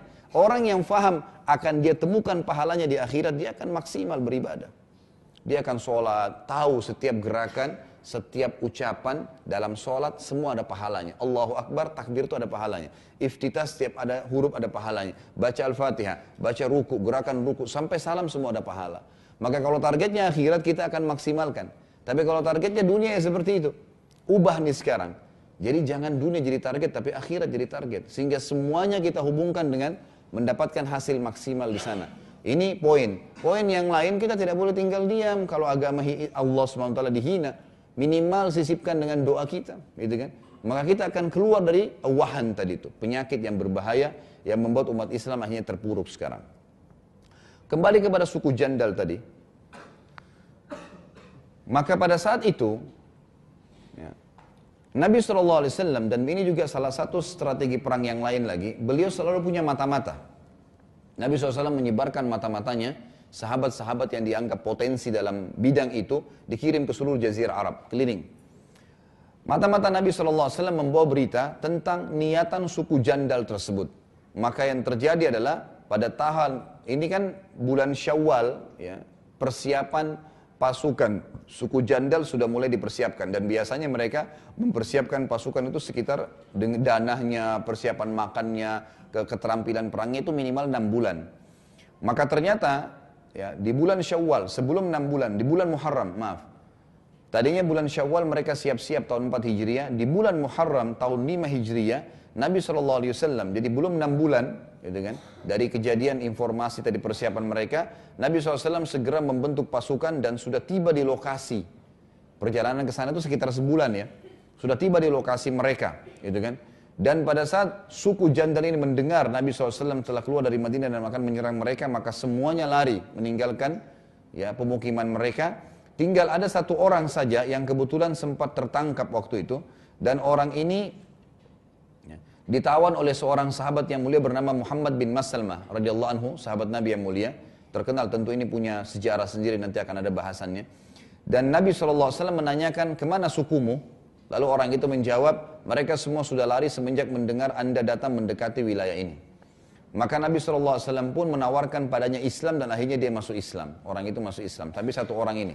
Dan Nabi SAW sempat tinggal di lokasi itu tiga bulan. Dari Muharram, Safar, Rabiul Awal. Ya, malam empat bulan, Rabiul Akhir. Empat bulan baru beliau pulang ke Madinah. Menunggu suku tersebut. Dan ini ya salah satu juga strategi perang Nabi SAW untuk mengenal lokasi sekitar. Kemudian bagaimana beliau Wasallam itu kan menunjukkan kekuatan kaum muslimin. Setelah Rabiul Awal beliau pulang ke kota Madinah. Ya, pulang ke kota Madinah. Masuk setelahnya ada lagi suku Mustalik. Suku Arab yang lain Sepulang dari pemukiman Daumatul Jandal, Nabi SAW mendapat berita bahwasanya Al-Harith bin Abi Dirar, ini pemimpin suku Mustadiq, akan menyerang Madinah juga. Sama terpengaruh juga akan menyerang kota Madinah. Dan zaman itu karena media terbatas, maka tidak segera mereka dengar penyerangan Nabi SAW ya, ke tempat-tempat lain. Kalau kayak sekarang kan misalnya terjadi penyerangan ke satu lokasi, mungkin seluruh dunia sudah dengar dari media. Kalau zaman dulu tidak. Suku ini, Mustalik tidak mendengar. Tidak tahu kalau Nabi SAW ini berhasil menaklukkan suku Domatul Jandal tadi. gitu kan. Nabi SAW lalu mengutus ya, ke suku tersebut Buraidah ibn al-Husayb al-Aslami radhiyallahu anhu memata-matai mereka dan akhirnya Nabi SAW membentuk pasukan dipimpin oleh beliau sendiri dan setiba di lokasi segera beliau mengepung suku Mustalik ini. Nabi SAW memberi panji mujahidin, ya, muhajirin maksud saya, pada Abu Bakar radhiyallahu anhu dan panji Ansar kepada Sa'ad ibn Ubadah radhiyallahu anhu. Sempat terjadi saling panah antara dua pasukan, lalu Nabi SAW memerintahkan pasukan muslimin setelah sholat subuh menyerang ya dan akhirnya memenangkan peperangan tersebut. Kaum muslimin mendapatkan banyak sekali ghanimah dan tawanan pada saat itu. Di antara tawanan adalah anak kepala suku, ya, Mustalik ini yang bernama Juwairiyah binti Harith. Dan Juwairiyah ini sempat ya, jatuh di tangan Nabi Shallallahu Alaihi Wasallam. Artinya menjadi tawanan Nabi SAW maka Nabi SAW ya bebaskan dari keterbudakannya lalu dinikahi oleh Nabi SAW dan dengan pernikahan tersebut akhirnya ada 100 tawanan dari suku Mustalik ini yang ditawan oleh para sahabat dibebaskan juga setelah mereka mengucapkan Islam ya dan masuk Islam dan setelah itu Ternyata ayah Juwairiyah yang bernama Harith yang sempat lari tadi dari sukunya itu mendengarkan kasus tersebut akhirnya datang dan mengucapkan juga syahadat sehingga membuat seluruh suku Mustalik masuk Islam. Dan ini kita lihat ya, ekspansi Islam nih. Jadi Islam menyebar ke sana satu suku dan sebagian ahli sejarah mengatakan suku Mustalik ini jumlahnya sangat banyak. Ya jumlah mereka mencapai 7.000 sampai maaf, jumlahnya mencapai 70.000 orang dari total semua laki-laki, perempuan, anak-anak itu sampai jumlah yang sangat banyak. Dan akhirnya mereka semua masuk Islam karena ekspansi Islam yang dilakukan oleh Nabi SAW dan pernikahan beliau dengan Juwairiyah radhiyallahu anha yang menjadi ummul mukminin setelah itu. Nah pada saat ini, ya pada saat perang Mustalik inilah terjadi kisah bohong tentang Aisyah radhiyallahu anha.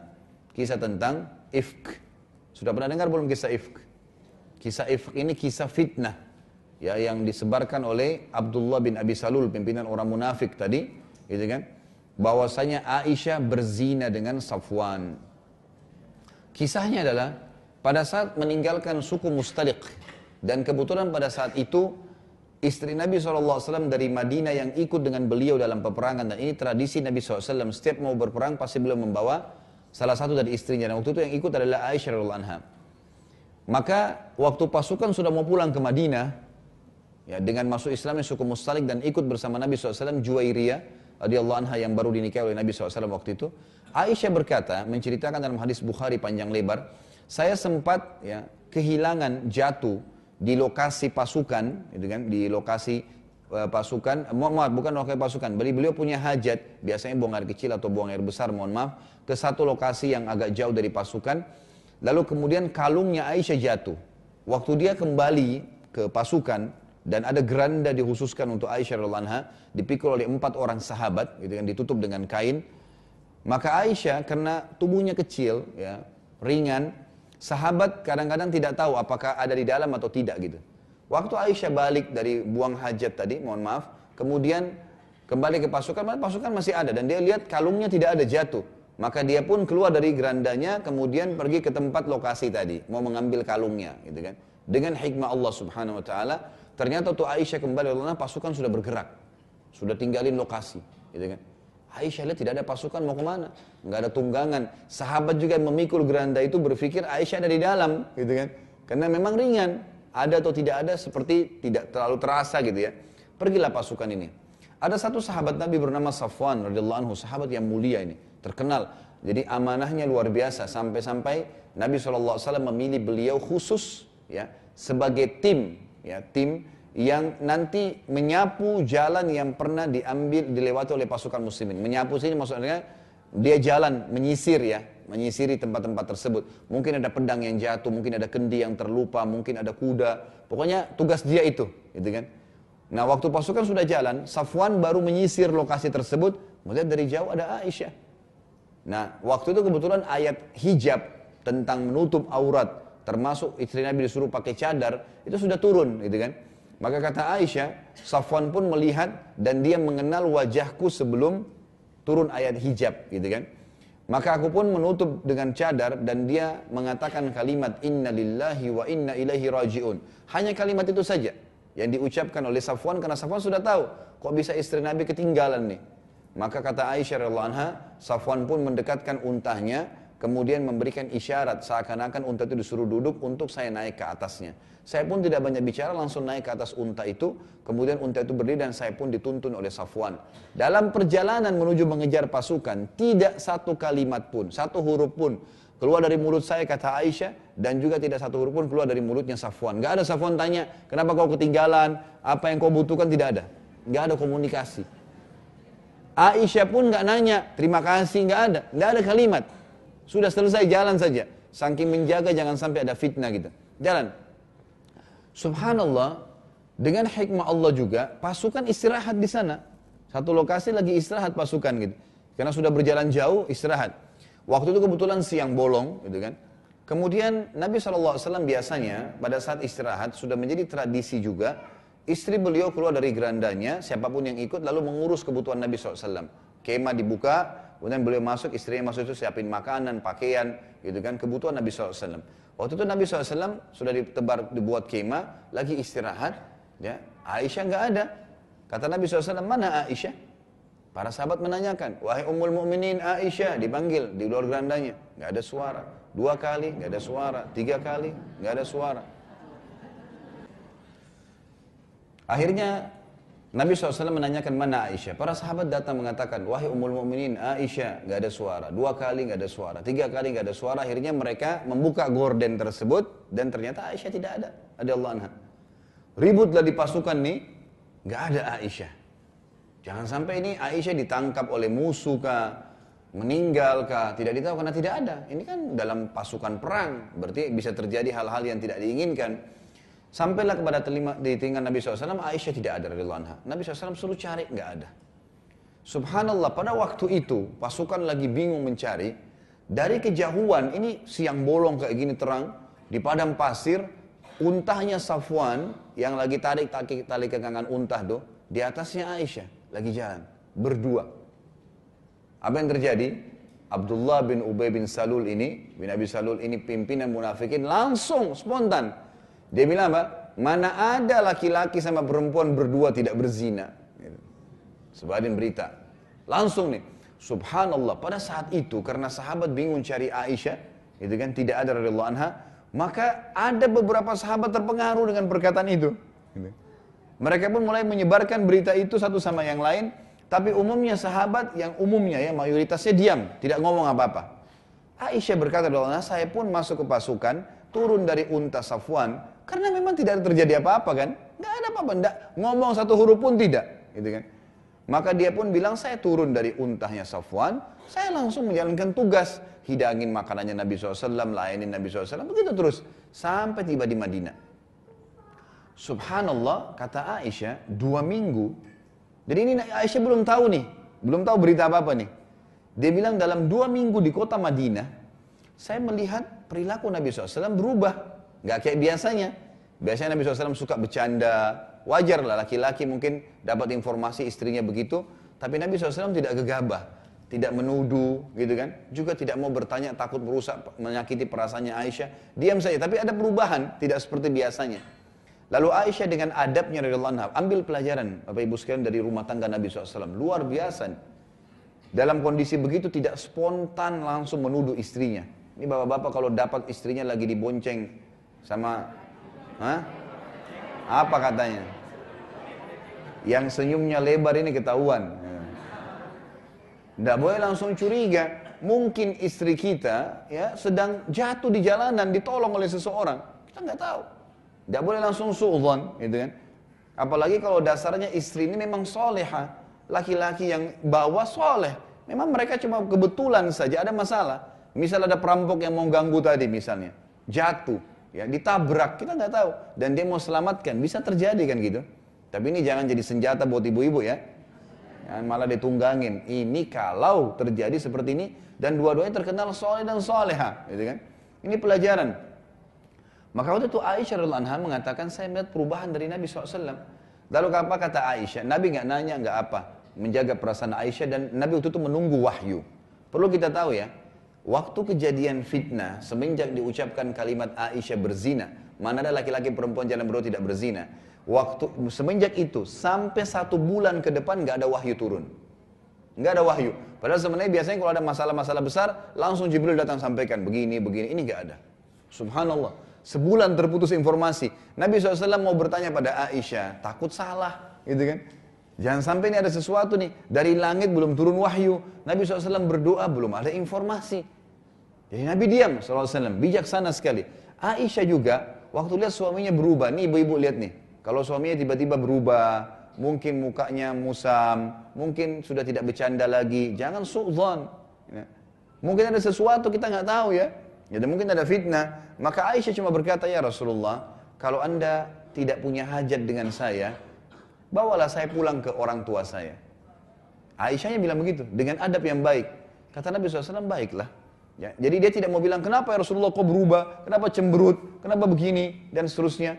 Apalagi kadang-kadang ada muslimah yang tidak ada imannya, ya, kurang imannya maksud saya, kamu pasti sudah selingkuh, kamu pasti punya perempuan lain, macam-macam gitu kan. Ini enggak, cuma mengatakan pulangkan saya ya Rasulullah, kalau anda tidak ada hajat dengan saya, artinya mungkin kalau saya di sini mengganggu anda, nggak ada hajat, antar saya ke rumah orang tua saya. Maka Nabi SAW antar ke rumah Abu Bakar, ayah orang tuanya. Tinggallah Aisyah selama dua minggu di rumah Nabi SAW dan dua minggu di rumahnya ayahnya. Kata Aisyah, waktu saya datang di rumah orang tua saya seminggu pertama pun tidak tahu berita nih. Sudah tiga minggu nih berita, nggak tahu. Dan ini adalah istri Nabi, istri raja, ya sekarang jangankan istri presiden, istri raja, ya istri seorang camat aja deh, gitu kan. Atau mungkin apalagi seorang dai, istrinya terkenal selingkuh, tersebar seluruhnya, gitu kan. Ini luar biasa seperti virus di tengah-tengah umat Islam nih. Ringkas cerita adalah Aisyah tidak tahu sampai akhirnya tinggal seming, uh, tinggal seminggu lagi maka datanglah seorang wanita dari Ansar ya tapi ini namanya khilaf di antara ahli sejarah jadi saya tidak sebutkan namanya jadi kebetulan dia datang dan berkata, eh, Aisyah sambil nyambut, sambil ceria seperti biasanya gitu kan. Maka kata perempuan tersebut, wahai ya, anaknya Abu Bakar, tidakkah kau dengar apa yang sedang tersebar di Madinah? Kata Aisyah, apa? Saya nggak tahu apa-apa. Kata perempuan tersebut, dia sampaikanlah, waktu kamu balik bersama Safwan di atas unta, maka Abdullah ibn Ubay bin Salul ini, bin Salul ini menyebarkan berita kalau kau berzina dengan Safwan. Aisyah tuh dengar kalimat tersebut, heran, dia bilang tiba-tiba semua tubuh saya lemas, tulang-tulang saya seperti mau remuk, dan saya berkata, apakah itu benar? Disampaikan oleh mereka, iya. Lalu apa yang terjadi, kata Aisyah? Kata ibu orang betul, seluruh Madinah sudah tahu berita itu. Maka Aisyah mengatakan tiba-tiba saya terduduk sambil menangis dan mengatakan, oh ini sebabnya kenapa Rasulullah SAW mulai berubah dengan saya, gitu kan? Maka Aisyah bilang semenjak itu saya nggak bisa makan, nggak bisa minum, nangis terus, gitu kan? Berdoa sama Allah minta jalan keluar nih, petunjuk. Dan ini juga pelajaran Bapak Ibu sekalian. Bahwasanya dalam rumah tangga memang kadang-kadang ada cobaan. Kita disuruh bersabar menghadapinya. Dan itu jadi pelajaran buat kita. Kalau kita sabar sampai titik klimaksnya, ada ajalnya, ada batasnya cobaan itu, maka kita akan dapat apa yang tidak kita bayangkan, sesuatu yang sangat besar. Sebagaimana nanti kita ambil pelajaran dari kisah Ifk ini, bagaimana Allah mengangkat Aisyah radhiyallahu anha sampai hari kiamat dikenang, gitu kan? Maka yang terjadi kata Aisyah, terus saja saya bingung mengambil langkah apa. Dan Nabi SAW di satu sisi semenjak istrinya dipulangkan ke ayahnya atau mertua beliau wasallam beliau coba ya setelah tiba satu bulan masa tidak turun wahyu beliau naik ke atas mimbar. Dan beliau betul-betul memang tidak mengunjungi Aisyah radhiallahu anha. Jadi sudah satu bulan Aisyah sudah dua minggu di rumah orang tuanya baru beliau naik ke atas mimbar lalu beliau mengatakan setelah tahmid dan salawat kenapa ya ada orang yang menyakiti aku ya di keluargaku dan di sahabatku yang aku tidak tahu kecuali kebaikan darinya. Maksudnya Aisyah istriku adalah orang baik, ini juga Safwan yang sudah dulu orang baik, tapi Nabi tidak sebut namanya. Nabi cuma bilang, kenapa ya ada orang menyakitiku di keluargaku dan sahabatku yang aku tidak tahu kecuali kebaikan dari mereka. Maka kebetulan perlu kita tahu, Abdullah bin Ubay bin, bin Abi Salul ini adalah salah satu orang dari suku Khazraj. Ingat suku Khazraj? Suku dari Ansar ya. Kalau dikatakan Ansar ada dua suku, Aus dan Khazraj. Ini dua suku yang mulia sebenarnya ya, orang-orang Ansar. Tapi Abdullah ini orang munafik ini dari suku Khazraj, gitu kan. Nah pimpinan suku Khazraj adalah Sa'ad ibn Ubadah radhiyallahu anhu. Sahabat yang mulia nih, gitu kan. Maka waktu itu ada satu orang dari suku Aus berdiri dan berkata, "Ya Rasulullah, kami tahu siapa yang membuat fitnah itu. Kalau Anda perintahkan, kami akan tebas lehernya." Sudah tahu nih siapa yang lakukan. Abdullah tadi kan gitu, kepala munafikin ini. Rupanya saat Ibn Ubadah radhiyallahu anhu, sahabat Nabi yang mulia ini merasa tersinggung karena si Abdullah dari sukunya, gitu kan. Lalu dia bilang kepada orang Aus itu, demi Allah kau tidak ucapkan kalimat itu, kau mau bunuh orang itu, kecuali karena dia dari suku kami. Kalau dari sukumu kau tidak akan bicara, gitu kan. Ada satu sahabat lain lain dari Aus namanya Usaid bin Khudair, sahabat Nabi yang mulia ini. Ini yang terkenal waktu dia mengaji, baca Quran, malaikat datang dengar bacaannya. Usaid bin Khudair ini berdiri dan berkata, ditunjuk saat ibn Ubadah ini, sahabat Nabi yang mulia. Demi Allah kau tidak bela orang itu kecuali kau juga termasuk munafik. Gitu kan. Kenapa kau bela dia munafik? Memfitnah istri Nabi SAW. Lalu kau bela? Gitu kan? Ya Rasulullah, kalau kau perintahkan kepada kami, kami akan tebas lehernya. Akhirnya berdiri lagi dia orang dari Khazraj. Membela saat dia demi Allah kau yang munafik, tuduh-tuduhan sahabat nih. Jadi ribut di masjid. Lalu Nabi SAW melihat tidak ada manfaatnya. Sudah, sudah. Kalau begitu turun Nabi SAW dari mimbar. Ini sudah sebulan kejadian. Dan ini kita lihat ya, Nabi SAW dicoba dengan fitnah sebulan. Ini bukan hal yang ringan nih. Istrinya dituduh berzina, gitu kan? Pasti terganggu. Ya, pasti kita terganggu. Maka lihat bagaimana perilaku Nabi SAW. Sekarang beliau ingin menyelesaikan langsung dengan Aisyah. Setelah sebulan kejadian tersebut, beliau turun dari mimbar, lalu kemudian datang ke rumah mertuanya Abu Bakar, lalu berkata, setelah memberikan salam, masuk salaman dengan mertuanya, kemudian mendekati Aisyah sambil berkata kalimat yang bijaksana. Ini lihat nih, seorang suami kalau dengar informasi yang tidak benar tentang istrinya, nggak boleh langsung ambil keputusan, apalagi langsung ceraikan, apalagi main pukul. Nabi SAW datang duduk dekat Aisyah lalu berkata begini, wahai Aisyah, karena kan belum tahu nih benar atau tidaknya gitu kan. Kalau sudah tahu jelas selingkuh itu punya hak untuk menceraikan. Tapi di sini tidak kata Nabi SAW, wahai Aisyah. Kalau seandainya, ini kata-kata yang santun sekali. Kau melakukannya, benar tuh berita yang tersebar, bertaubatlah kepada Allah, karena Allah maha pengampun. Tapi kalau kau tidak melakukannya, maka yakinlah Allah akan turunkan dari langit ayat yang membelahmu.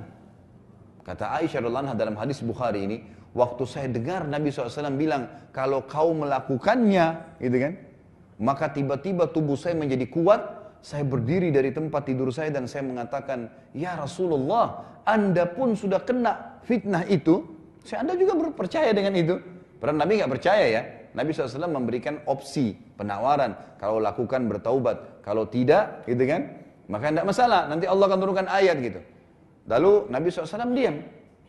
Lalu Aisyah menghadap ke ayahnya Abu Bakar. Ya abata, ajib Rasulullah SAW. Maksudnya gini, wahai ayahku, jawab Rasulullah SAW. Jangan diam nih.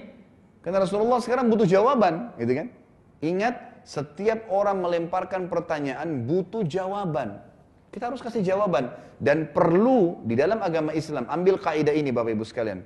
Kita perlu menjelaskan argumentasi kenapa melakukan sebuah perbuatan, ya. Baik itu perbuatan baik kenapa dilakukan, atau perbuatan baik kenapa tidak dilakukan. Perlu dijelaskan. Kita lagi masuk masjid musafir nih. Kan? Contoh saja. Saya ingatkan saya kembali ke kisah Aisyah tadi. Ini sebuah kaidah penting. Kalau kita masuk masjid, atau misalnya gini, pulang dari masjid deh, sholat. Langsung ada tanya, Pak dari mana Pak? Jangan diam. Jawab, oh saya dari masjid tadi sholat. Gak apa-apa. Asal jangan riak tidak masalah. Jawab, gitu kan? Jadi kenapa kita melakukan satu perbuatan baik, jelaskan kalau orang bertanya. Kalau orang bertanya, kalau orang tidak tanya jangan dijawab. Jangan buat, itu riak namanya. Ya, tiba-tiba lewat, eh saya dari masjid iklanin, itu salah. Tapi ini enggak, kalau kita lagi ditanya, ibu dari mana bu? Oh dari majelis taklim tadi. Perlu menjelaskan argumentasi, orang tahu kita dari mana. Memang benar, karena dia sedang melemparkan pertanyaan ya. Karena pertanyaan harus dijawab. Kalau tidak, kata ulama, ditunggangi oleh syaitan untuk membuat fitnah. Nggak boleh, harus dijawab. Contoh yang lain, perbuatan baik kenapa kita tidak lakukan? Itu ada perbuatan yang kita lakukan ya. Misal, saya musafir. Musafir tidak ada Jumatnya ya. Gugur Jumat bagi laki-laki musafir. Baik, saya kebetulan di tengah jalan, mau sholat duhur asar hari Jumat. Pas mampir di satu tempat peristirahatan, ternyata masyarakat sekitar, gitu kan, baru selesai sholat Jumat. Saya habis uduk mau masuk masjid, ada yang tanya di situ pemukim, loh, bapak nggak ikut Jumat? Jangan diam, jangan tinggalkan. Oh saya musafir pak, jadi saya jamak duhur asar. Jelaskan, perbuatan baik tadi Jumat kenapa kita tidak lakukan? Karena ada alasan syar'i kan? Nah itu menutup pintu syaitan tuh. Nggak ada fitnah. Karena terjawab. Sama halnya berikan argumentasi pada saat kita kenapa melakukan satu keburukan dan kenapa tidak kita lakukan. Contoh begini. Kita melakukan satu perbuatan salah nih. Ada seseorang istri misalnya mecahin gelas. Atau sempat memberikan sesuatu, perbuatan salah, keluar rumah tanpa izin dari suaminya. Misal. Kemudian suami tanya, kamu dari mana? Tidak usah diam, jangan diam, jelasin. Iya memang tadi saya salah, karena saya keluar tidak pamit, tiba-tiba ibu saya telepon kalau ibu saya sakit. Kan menjelaskan argumentasi, kenapa kita lakukan ya, padahal salah sebenarnya. Harus pamit dulu kan gitu. Walaupun cuma SMS harus pamit, itu wajib dalam agama Islam. Walaupun ibu kita sakit, memang sudah begitu hukum syari, pamit. Ya, disampaikan. Nah kita jelaskan perbuatan salah yang kita lakukan argumentasinya. Tapi saya salah, saya minta maaf. Cuman dijelaskan kenapa kita lakukan. Penting ya. Supaya orang tahu alasan apa kita lakukan perbuatan salah tadi. Dan jangan terulang. Sama halnya perbuatan salah yang tidak ya atau tadi yang kita sengaja lakukan ya. Ini yang tidak kita lakukan. Misal ada orang berbuat salah gitu kan. Kemudian dia tidak sebenarnya tidak lakukan tapi dituduh. Dia perlu jelaskan argumentasinya. Ini yang kita ambil pelajaran dari kasus Aisyah radhiallahu anha. Aisyah radhiallahu anha waktu dituduh, di, bukan dituduh, dia, dikatakan oleh Nabi SAW, ya, bahwasanya nih kalau kamu berbuat istighfar, kalau kau tidak buat maka kau akan aman, ayat akan turun. Maka Aisyah waktu itu tidak diam. Dia tahu tidak lakukan. Dia bilang dulu sama ayahnya, wahai ayahku, jawab Rasulullah SAW. Jangan diam nih, nggak boleh diam, gitu kan? Jelasin.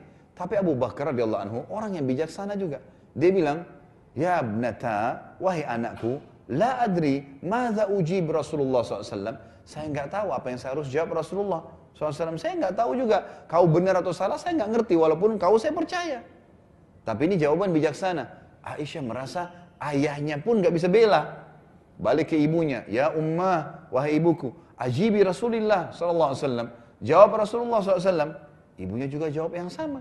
Wahai anakku, saya nggak tahu harus jawab apa Rasulullah SAW. Kata Aisyah, waktu saya tahu tidak ada lagi orang yang bersama dengan saya, saya pun memberikan jawaban. Ini ada jawabannya nih, gitu kan? Kata Aisyah Allah, demi Allah, saya tidak akan istighfar kepada Allah tentang tuduhan tersebut karena saya tidak lakukan. Karena saya tidak melakukannya. Kalau saya lakukan wajar saya tobat. Ini enggak. Saya tidak beristighfar kepada Allah khusus masalah itu. Dan Saya hanya mengucapkan seperti yang diucapkan oleh Yakub pada saat Yusuf alaihi hilang. Yusuf hilang gitu kan dibuang oleh saudara-saudaranya. Innama ashku bathi wa huzni ilallah. Saya hanya keluhkan kesedihanku dan masalahku kepada Allah. Kata Aisyah lalu saya tergeletak di atas ranjang, merasa seluruh tubuh saya seakan-akan sudah remuk dan saya merasa saya lah orang yang akan dirusak nama saya di seluruh Madinah. Maka yang terjadi kata Aisyah tiba-tiba Nabi SAW pergi ke sudut rumah kami, kemudian seperti biasa kalau wahyu sedang turun, beliau keringat dingin, gitu kan, keluar keringat-keringat, kemudian beliau kembali kepada Aisyah dan mengatakan berita gembira wahai Aisyah terimalah berita gembira karena Allah telah turunkan dari langit sana gitu kan kebebasanmu dari perbuatan tersebut gitu kan. Maka Nabi SAW pun akhirnya pergi ya menyebarkan ayat turun tentang masalah pembebasan Aisyah anha. Perhatikan nanti saya akan bacakan ayatnya surah An-Nur urutan 24 ayat 11 sampai ayat 14 ayat 11 sampai ayat 14 jadi banyak orang yang menukil tentang kisah Aisyah terutama kelompok Syiah tadi yang malah menuduh sekarang Aisyah dengan zina, gitu kan? Sampai mengatakan Aisyah memang berzina, Aisyah itu memang begini dan seterusnya dari Allah anha. Padahal sebenarnya hikmahnya luar biasa ya. Aisyah bersabar sedikit dari Allah anha dalam cobaan ini, maka yang terjadi Allah harumkan namanya sampai hari kiamat. Seperti sekarang salah satunya saya menyampaikan kisah ayat ini, ya sebab turunnya ayat surah An-Nur tadi ayat 9 sampai ayat 14, kisah tentang penyelamatan Aisyah dari langit oleh Allah SWT bahwasanya tuduhan tersebut palsu. Dan semua dai-dai yang faham tentang ayat ini akan menyampaikan hal yang sama. Semua masjid bergemah disampaikan tentang pembelaan Aisyah radhiyallahu anha sampai hari kiamat. Dan ini kemuliaan yang luar biasa. Dicoba sebulan, tapi Allah SWT muliakan seumur hidup atau bahkan sampai hari kiamat. Ini kalau kita sabar sampai titik klimaks, yang penting kita tidak melakukannya. Yang penting kita tidak melakukannya. Firman Allah Subhanahu wa taala surah An-Nur saya bacakan أعوذ بالله من الشيطان الرجيم. بسم الله الرحمن الرحيم. إن الذين جاءوا بالإفك عصبة منكم لا تحسبوه شرا لكم بل هو خير لكم لكل امرئ منهم ما اكتسب من الإثم والذي تولى كبره منهم له عذاب عظيم. لولا إذ ولولا إذ سمعتموه ظن المؤمنون والمؤمنات بأنفسهم خيرا. وقالوا هذا إفك مبين لولا جاءوا عليه بأربعة شهداء فإذ لم يأتوا بالشهداء فأولئك عند الله هم الكاذبون. ولولا فضل الله عليكم ورحمته في الدنيا والآخرة لمسكم فيما أفضتم فيه عذاب عظيم. Ayat 11 sampai ayat 14 ya, An-Nur, An-Nur. Ayat 11 saya bacakan, sesungguhnya orang-orang yang membawa berita bohong adalah dari golongan kalian yang mengaku Islam. Janganlah kalian mengira bahwa berita bohong itu buruk bagi kalian, bahkan baik buat kalian.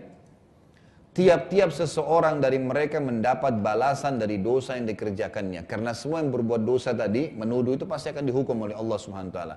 Termasuk nanti ada 80 jerah dicambuk semua pendusta ini dicambuk di zaman Nabi Shallallahu Alaihi Wasallam dan juga kebaikan yang Allah masukkan dalam ayat ini adalah justru menjadi pelajaran buat kalian tidak boleh sembarangan menuduh ya pembebasan Aisyah Allah dari dari tuduhan tersebut gitu kan? Dan bagaimana kebenaran Allah dari langit langsung mengajak bicara sahabat.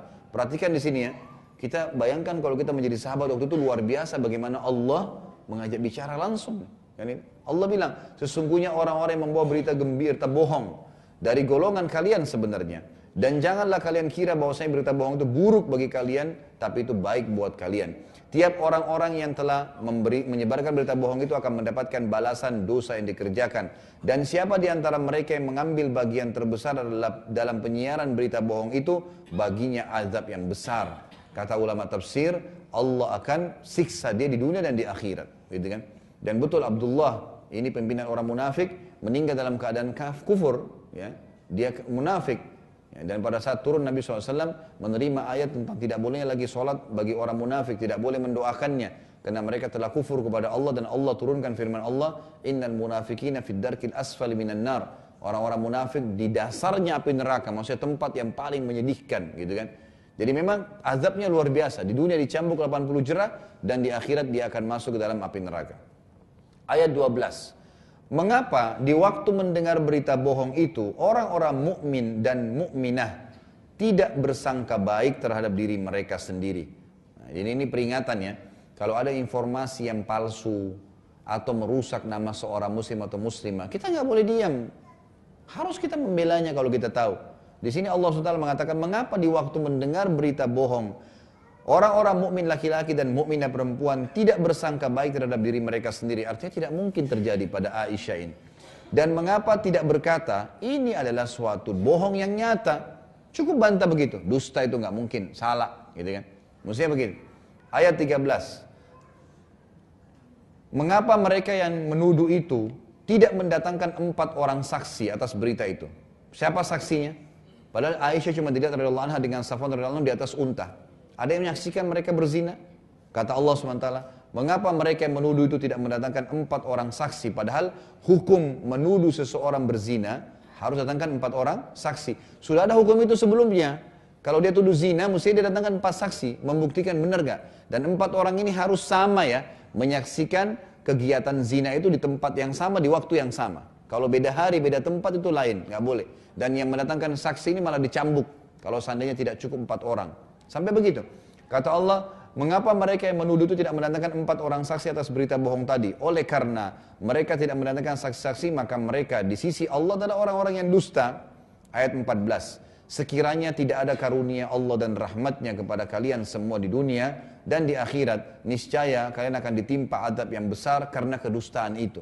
Maksudnya sahabat-sahabat yang sudah terlanjur ikut-ikutan juga, itu kan cuma dicambuk 80 jerah dan disuruh bertobat kepada Allah. Kalau bukan kata Allah SWT, karunia Allah dan rahmatnya kepada kalian semua, karena sudah menjadi sahabat Nabi, niscaya kalian akan ditimpa adab yang besar karena pembicaraan kalian tentang berita bohong itu. Ya, berita bohong itu. Jadi ini kejadian pada saat itu dan akhirnya Aisyah bebas daripada tuduhan tadi, bebas dari tuduhan tadi. Ya. Kemudian kita tutup Bapak Ibu sekalian dengan uh, kisah perang Badar kecil ya perang eh, maaf perang Badar akhir. Ya, ini nanti yang ke depannya kita tinggal lanjut tentang kisah perang Khandak. Ya. Kita masuk peperangan yang besar nanti. Sekarang eh, terakhir suku Arab yang berusaha untuk menyerang ya, adalah suku Quraisy sendiri. Abu Sufyan pada saat itu mengetahui kalau Nabi saw menyerang Bani Mustalik, menyerang tadi Bani, Bani Jandal, Bodomatul Jandal, dan berhasil mengalahkan mereka, dia mau juga nunjukin kekuatannya. Karena kan dialah yang menganggap dirinya mengalahkan muslimin di Uhud. Maka dia mengirim surat kepada Nabi SAW itu pada tahun 7 Hijriah, di bulan Sya'ban. Di bulan Sya'ban, maka dia mengirim surat dan menantang Nabi SAW untuk bertemu di Badr. Ya, bertemu di Badr eh, mohon maaf, dia kirim surat ini eh, tahun 6 Hijriah. Bulan Sya'ban dia kirim surat. Dia mengatakan kepada Nabi SAW, tahun depan, tahun 7 Hijriah kita ketemu di Badr. Maka tahun depannya di, di bulan Sya'ban, Nabi SAW menyiapkan seribu personil pasukan muslimin dan mereka menuju ke Badr. Dan Abu Sufyan pun keluar dari Mekah dengan 3000 pers personil. Ya. Jadi memang jumlah mereka juga lebih banyak orang-orang kafir. Namun pada saat mendapatkan informasi dari mata-matanya, karena Abu Sufyan waktu menuju baru keluar dari Mekah, tepatnya di lokasi namanya uh, Majannah, ya, wilayah Majannah. Ini kurang lebih dari arah Az-Zahran, sekitar Mekah ya. Dia dapat informasi dari mata-matanya ternyata Nabi SAW sudah tiba di Badr dan sudah menunggu di Badr. Ini akhirnya membuat Abu Sufyan takut. Dan dia sempat menarik pasukannya sambil berkata, ya karena takut nanti dikalahkan, dan kalau dikalahkan berarti ya jelas-jelas sudah tidak ada lagi nama baiknya ya Quraisy. Nantinya mereka sudah menang di Uhud sekarang malah rusak karena dua kali dikalahkan otomatis di Badar pertama dan ini di Badar yang kedua. Karena takut Abu Sufyan pun akhirnya mengatur strategi sambil berkata ya, kepada orang-orangnya, sekarang ini musim panas. Kalau musim panas kita susah berperang, air kering, buah-buahan, persiapan makanan kurang gitu. Lebih baik kita perang di musim dingin. Wahai Quraisy, Kalian akan beruntung dan menang kalau perang di musim subur, musim dingin. Karena akan banyak bekal, sementara sekarang musim panas. Maka saya akan kembali ke Mekah dan kalian kembalilah. Akhirnya pasukan Quraisy pun kembali, nggak jadi pergi ke Badr karena ketakutannya Abu Sufyan. Dan Abu Sufyan mengutus seseorang yang bernama Naim bin Mas'ud. Naim bin Mas'ud ini adalah salah satu dan nanti jadi sahabat Nabi ya. Dia menuju ke sana dan ini memang tugasnya Naim ini karena dia punya keterampilan. Keterampilannya dia khusus menakut-nakutin musuh, gitu kan. Jadi dia menguasai banyak bahasa, retorika, mengenal eh, sifat-sifat uh, dan karakter suku-suku Arab, gitu kan. Jadi dia memang datang sana khusus untuk datang, ya utusan Quraisy lalu menakut-nakuti kaum muslimin, mengatakan bahwasanya pasukan Quraisy itu besar, 3000 orang. Tapi dengan retorika dia mengatakan pasukan kami sudah keluar dengan 3000 orang, ada kekuatan pasukan yang berkuda sekian banyak, pemanah sekian banyak, lalu kami siapkan pedang yang begini, kami siapkan begitu. Jadi bahasa-bahasa menginformasikan tentang pasukannya gitu. Hanya tujuannya menakut-nakuti, kadang-kadang ditambah-tambahin gitu kan. Ternyata hal tersebut tidak mempengaruhi Nabi SAW. Tetap aja Nabi SAW tidak meninggalkan Badar dan mengatakan kami akan menunggu pasukan Quraisy sampai mereka datang. Kalau mereka tidak datang baru kami balik gitu. Maka Naim pun akhirnya balik dan menyampaikan kepada ya, Abu Sofyan kalau e, muslimin tidak akan kembali. Karena Quraisy takut datang, maka muslimin akhirnya balik ke Madinah, gitu kan? Dan mendap, mendap, mendapatkan nama yang harum Jazirah Arab karena menunggu kurang lebih di sana sekitar sebulan. Ya, di perang di lokasi Badar nunggu sebulan. Sedikit ada kejadian di sebelum balik ke Madinah, di wilayah Badar itu, pernah saya jelaskan waktu akan terjadi perang Badar yang pertama ya. Di wilayah Badar ada satu suku juga di sana, suku Arab namanya suku Dumrah. Pernah saya jelaskan ini, ada suku Dumrah. Dumrah ini pernah berapa kali mereka menjadi penyebab tidak jadinya diserang kafilah Quraisy, gitu kan? Karena dia selalu mengatakan jangan ada peperangan di lokasi saya, jangan peperangan. Sampai Nabi SAW buat akad kesepakatan sama mereka tidak ada peperangan antara mereka dengan muslimin. Waktu ya, pimpinannya namanya Makhshi bin Amr ad-Dumri, ini melihat Nabi SAW dengan pasukannya di situ, ya pasukan perang di lokasinya dia, seribu orang, tinggal tinggal sama sebulan, menunjukkan kekuatan tiap hari keterampilan pedang dan kuda memanah dipraktekin, maka dia juga ingin mencoba gitu kan, dia ingin menunjukkan mengatakan kepada Nabi SAW, menunjukkan bahwasanya mereka juga tidak takut lah walaupun demo-demo seperti itu. Padahal Nabi bukan tujuannya mereka gitu. Jadi maka mereka mengatakan ya si, du, si Dumroh ini, ya Makhshi ini mengatakan kepada Nabi SAW, datang di depan para sahabat, wahai Muhammad, apa kau datang ke wilayahku ini, di pangkalan airku ini? Karena biasanya orang Arab itu mengenal uh, mata air tertentu, di pangkalan airku, di mata airku ini. Tanpa seizinku, tapi ngomongnya tidak sopan gitu kan, di depan para sahabat. Padahal Nabi SAW tidak ada masalah dengan orang ini dan ada kesepakatan akad tidak ada saling menyerang di antara mereka, gitu kan? Walaupun muslimin lewat perang situ mereka tidak boleh campur, gitu kan? Maka Nabi SAW melihat karena tidak sopan, lalu berkata kepadanya, Iya benar, wahai saudaranya Dumroh, eh, wahai saudaranya Bani Numroh. Ini biasanya disebutkan, maksudnya kamu juga dari suku Dumrohmu. Kamu dan sukumu semua. Kata Nabi SAW, bila engkau ingin membatalkan perjanjian antara kita, silahkan. Maka kami akan batalkan perjanjian tersebut dan kami akan memerangi kamu dan sukumu sampai Allah memberikan kami kemenangan atau kekalahan. Maka melihat keseriusan Nabi Shallallahu Alaihi Wasallam, maka tiba-tiba saja si Makhshi ini merasa takut dan mengatakan demi Tuhan, ya, Hai Muhammad, kami tidak datang untuk itu. Artinya silahkan saja. Kamu menunggu Quraisy silahkan kami tidak ingin ikut-ikutan. Dan ini juga sebenarnya tadi saya bilang kejadian kecil tapi efeknya besar secara politik ya. Yang akhirnya tambah memberikan kekuatan kaum muslimin. Kalimat penutup saya, kadang-kadang Allah subhanahu wa ta'ala mendatangkan sebuah cobaan, mendatangkan sebuah kasus. Jangan kita pikir itu keburukan buat kita. Seringkali Allah datangkan sebenarnya kebaikan, gitu kan? Kebaikan ini ternyata kita tahu setelah masalah itu selesai. Ya Allah subhanahu wa ta'ala menginginkan sesuatu. Mungkin agar nama kita jadi baik, mungkin malah kita dapat pengalaman, mungkin malah membongkar kedoknya keburukannya orang itu. Jadi banyak sekali hal yang bisa terjadi yang kita ambil pelajaran. Jadi jangan bersu'ban atau sangka buruk dengan Allah subhanahu wa ta'ala. Ini bahasan kita pada kesempatan ini insya Allah. Mudah-mudahan bermanfaat. Dan insya Allah pertemuan akan datang kita akan lanjut lagi dengan perang khandak dan perang-perang Nabi SAW yang selanjutnya. Sampai kita tutup sirah ini dengan izin Allah subhanahu wa ta'ala. Mungkin sampai sini, mudah-mudahan bermanfaat apa yang kita bahas ini. Kalau lebih kurangnya, lebih kurangnya tolong dimaafkan kalau ada kesalahan dan kalau ada benar dari Allah Subhanahu wa taala. Subhanakallahumma bihamdika asyhadu an la ilaha illa anta astaghfiruka wa atubu ilaik. Wassalamualaikum warahmatullahi wabarakatuh.